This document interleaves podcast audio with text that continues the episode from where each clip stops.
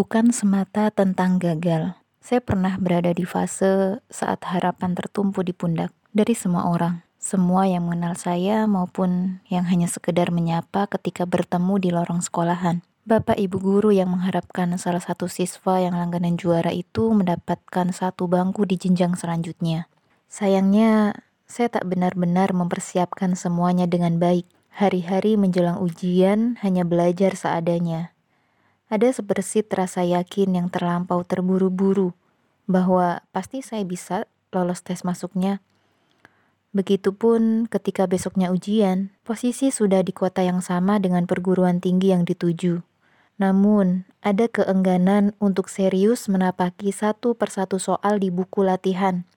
Entah karena terlalu yakin atau sebaliknya, merasa percuma jika saat itu harus mengerjakan.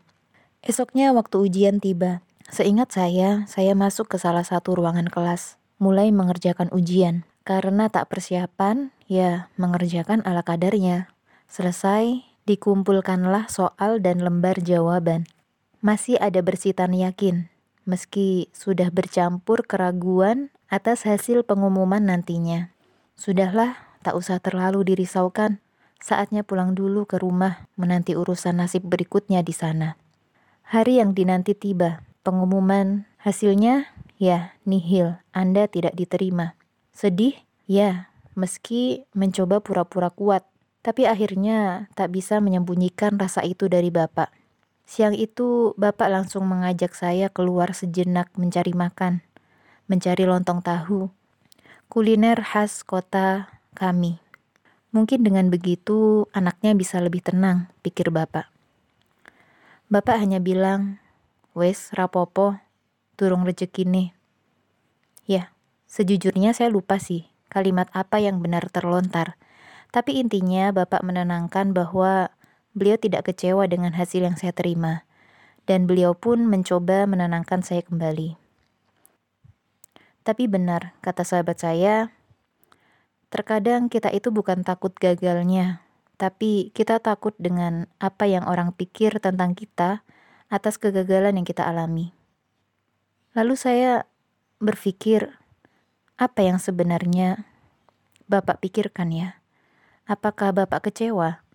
Apakah Bapak takut nantinya anaknya tidak mendapat sekolah? Apa yang nanti akan disampaikan oleh guru-guru di sekolah melihat siswa andalanya belum mendapat pegangan kuliah, sementara kawan-kawannya yang lain sebagian besar sudah?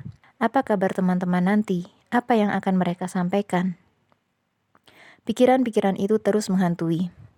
Namun, setelah diajak keluar oleh Bapak, saya bisa lebih tenang dan menerima hasil ini. Serius, Bapak tidak berbicara banyak tentang hasil ini. Tidak menasihati panjang lebar tentang jangan bersedih, jangan kecewa, dan seterusnya. Tidak banyak yang Bapak katakan. Bapak seperti hanya sedang menemani anak gadisnya makan lontong tahu plus telur dadar kesukaan anaknya itu. Bapak malah berbincang entah apa dengan penjualnya. Tapi sepertinya Bapak mengerti betul bahwa di momen itu yang dibutuhkan seseorang yang baru saja mengalami kegagalan adalah tidak melakukan apa-apa, tidak berusaha menasehatinya, tidak menguat-nguatkannya, atau tidak sibuk mengatakan sabar, kamu pasti bisa, kegagalan adalah ini, kamu pasti mampu, kamu pasti kuat. Karena yang perlu dilakukan saat itu hanyalah membantu orang tersebut menerima kondisinya saat itu. Menerima bahwa, ya, saat ini saya tidak berhasil untuk mendapatkan satu impian saya. Sepertinya hal itu yang dilakukan Bapak, membiarkan anak gadisnya diam sejenak, menyadari apa yang terjadi, lalu menerima dengan hati yang lebih tenang dan lapang. Anak gadisnya belum butuh nasihat. Anak gadisnya belum butuh motivasi ala-ala motivator. Anak gadisnya hanya butuh diterima oleh dirinya sendiri dan diterima oleh orang-orang yang disayangi atas keadaannya seburuk apa pun saat itu. Ya, masih di hari yang sama. Setelah hati bisa menerima, datang tawaran dari seorang kawan yang sudah diterima di pengumuman yang sama. Mau pakai bukuku nggak buat latihan? Aku ada beberapa buku, pakai saja. Akhirnya buku itu diantar ke rumah. Dan Alhamdulillah, dengan buku itu saya belajar mati-matian dan membuat saya kemudian percaya diri ketika mengikuti ujian SNMPTN beberapa waktu berikutnya. Dan alhamdulillah lolos diterima di perguruan tinggi negeri. Ya, begitulah hidup. Pada akhirnya, hidup akan terus begitu. Ada ekspektasi, ada realita. Ada harapan, ada kenyataan. Ada impian, ada takdir Allah berbicara. Kita pasti pernah mengalami naik turunnya.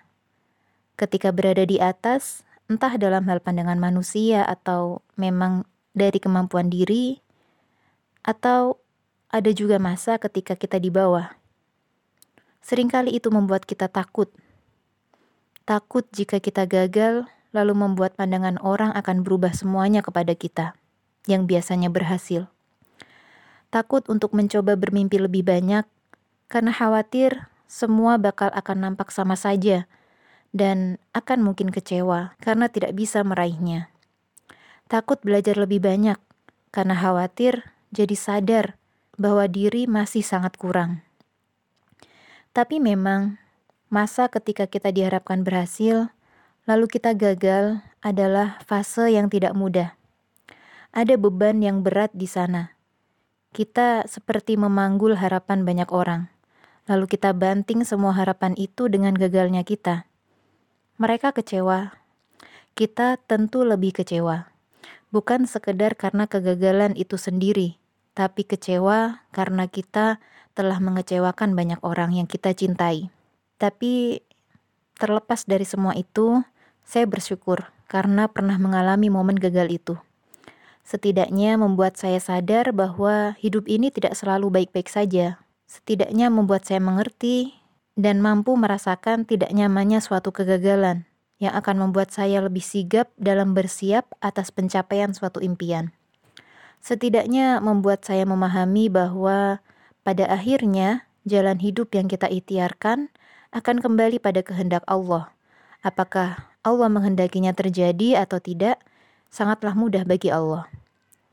Yang perlu kita renungi ketika masa itu tiba, kita tidak perlu langsung membalikkan posisi dari negatif menjadi positif.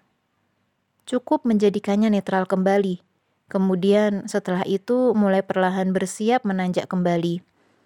Ya, kita manusia punya banyak potensi yang perlu disyukuri.